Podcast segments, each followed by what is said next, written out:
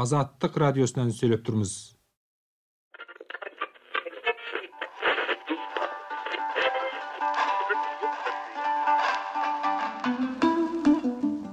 азаттык радиосунан сүйлөп турбуз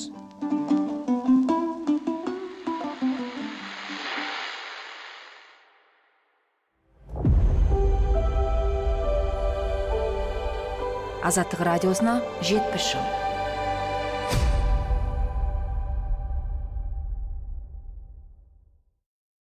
армысыздар. Назарбаев нағыз демократ па? 1987 жылы ол мәскеулік басылымға берген сұхбатында бұрынғы бірінші басшыға неге сонша шүйлікті назарбаевқа қонаевтың қастандық ойластырғаны рас па?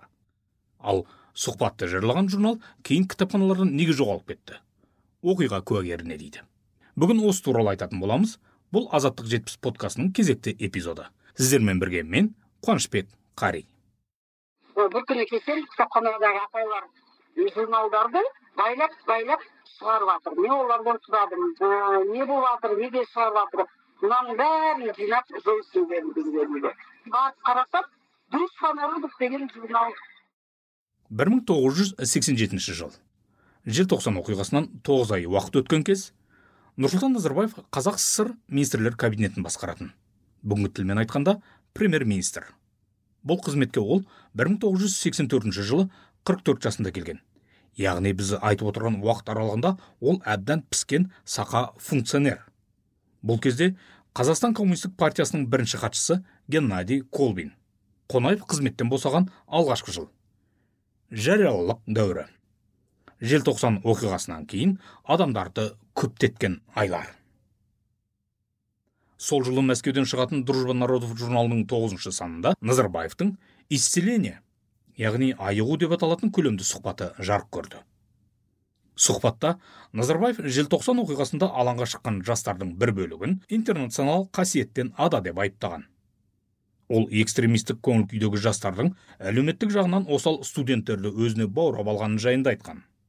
Бұл туралы біз азаттық жетпіс подкастының сәуір айындағы эпизодтарында тоқталғанбыз. Назарбаев осы сұхбатында желтоқсан оқиғасына дейін билікте болған дінмұхаммед қонаевтың ел экономикасы мен шаруашылығын дамыта алмағанын айтады. Оның лауазымды қызметтегі туыстарының жеке басына тиіседі республика шаруашылықтары мен тұрғын үй құрылысындағы кемшіліктерді санамалап тізбелеп береді. Тексеру кезінде қазақ сср 20 жыл өткеннен кейін де кейбір көрсеткіштердің өзгермегені белгілі болады.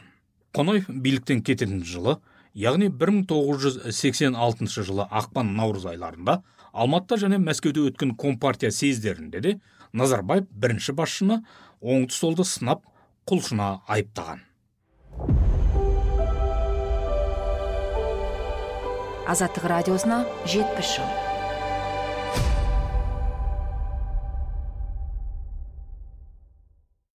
Назарбаев дружба народов журналына берген сұхбатында қазақстан компартиясының 16 съезінен кейін өзіне қысым жасалғанын баяндайды.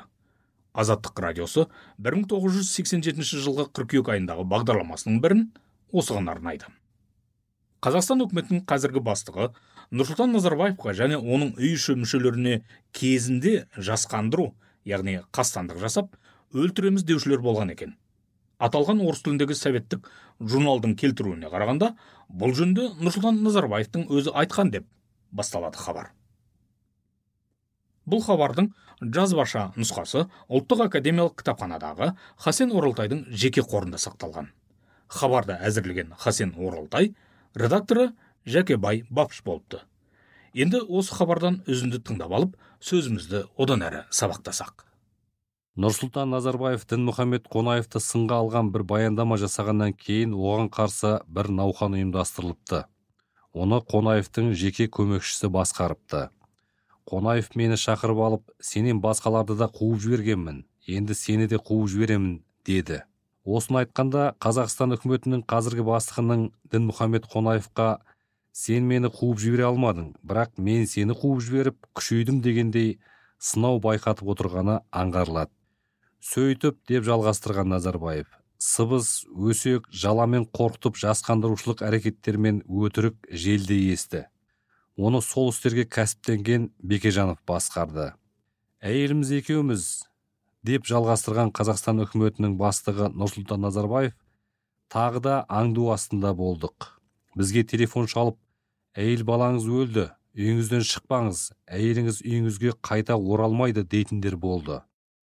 Азаттық радиосы назарбаевтың осы айтқандарына күмәнмен қарайды. Егер шынымен солай жасалғаны рас болса назарбаев содан бері оны неге айтпаған деген сауал туындайды деп сұрақ қояды. Өйткені қазақстан компартиясының съезі 1986 жылы ақпан айында өткен. Сұхбат жарияланғанға дейін бір жарым жылдан аса уақыт өтіп кеткен.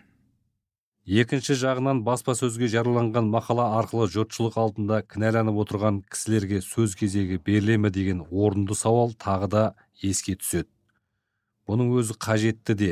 Біріккен ұлттар ұйымына мүше барлық елдер қабылдаған жалпы адам құқығы ережесінде кісінің жеке басы мен абыройын қорғауға әділетті түрде мүмкіншілік беретіні көрсетілген. Мұнда көзделінген басты мақсат мәселенің әділетті түрде анықталуын қамтамасыз ету екендігі айтпаса да түсінікті. Қаралаушы яғни қуғындалып отырған кісіге кінә тағушы үкімет бастығы деген атақтың иесі болғаны үшін де мәселенің маңызы арта түседі.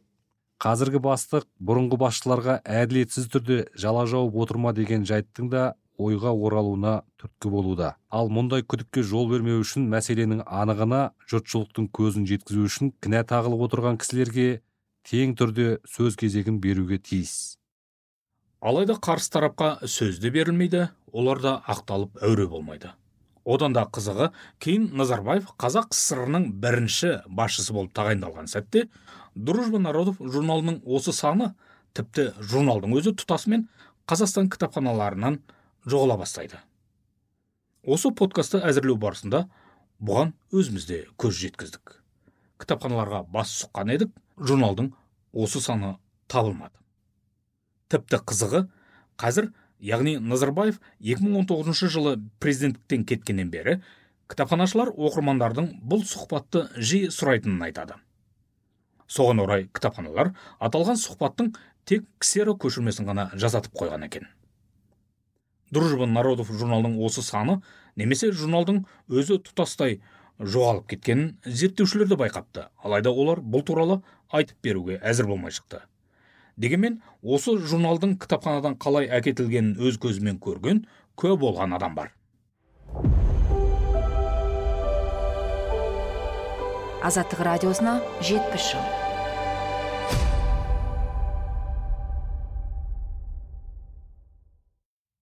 Блогер айгүл өтепова бұрынғы шымкент қазіргі түркістан облысы келес ауданында абай ауылында туып өскен. Бала күнде ауыл кітапханасының белсенді оқырманы болғанға ұқсайды. Ол сол күндерді былай деп еске алады.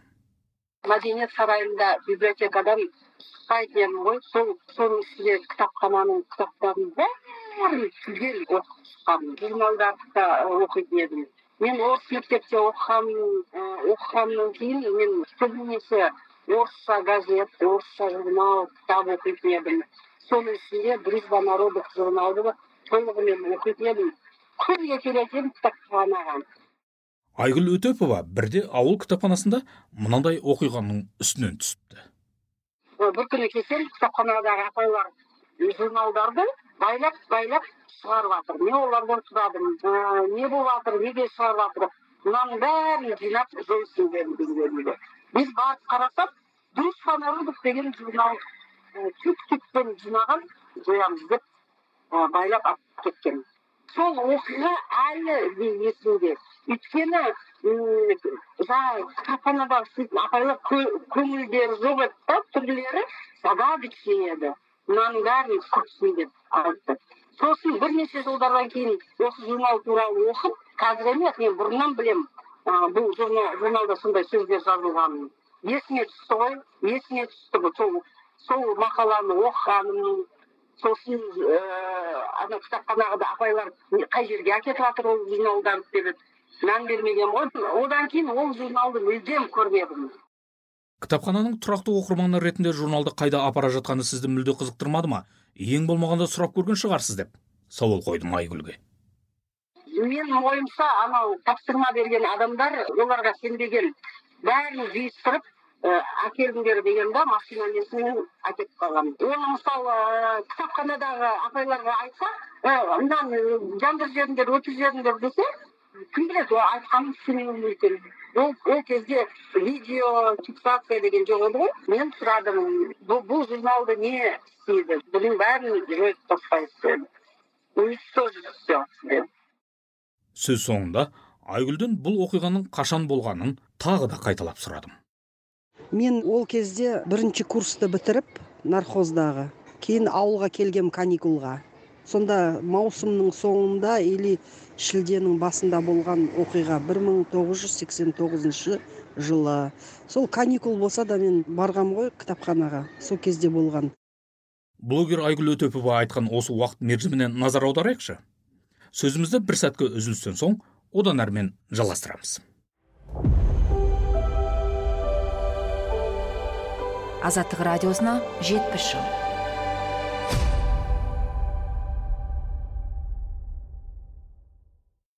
ауыл кітапханасының студент оқырманы айгүл өтепова 1989 жылдың маусым шілде айында дружба народов журналының барлық саны кітапханадан алынып әлдеқайда тасымалданып жатқанын көреді бұл бір ғана ауыл кітапханасында болған хикая.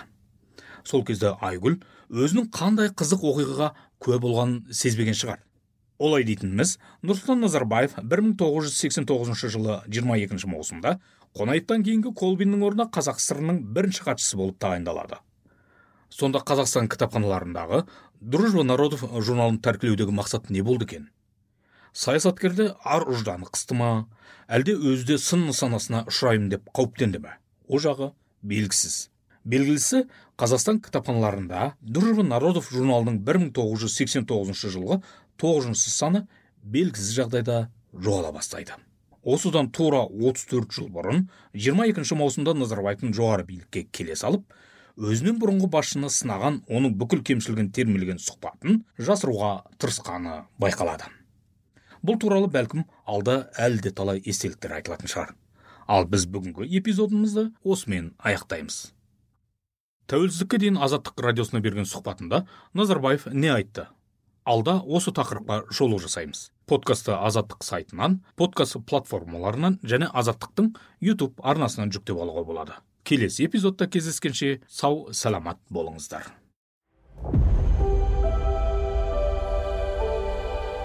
Азаттық радиосына жетпіс жыл.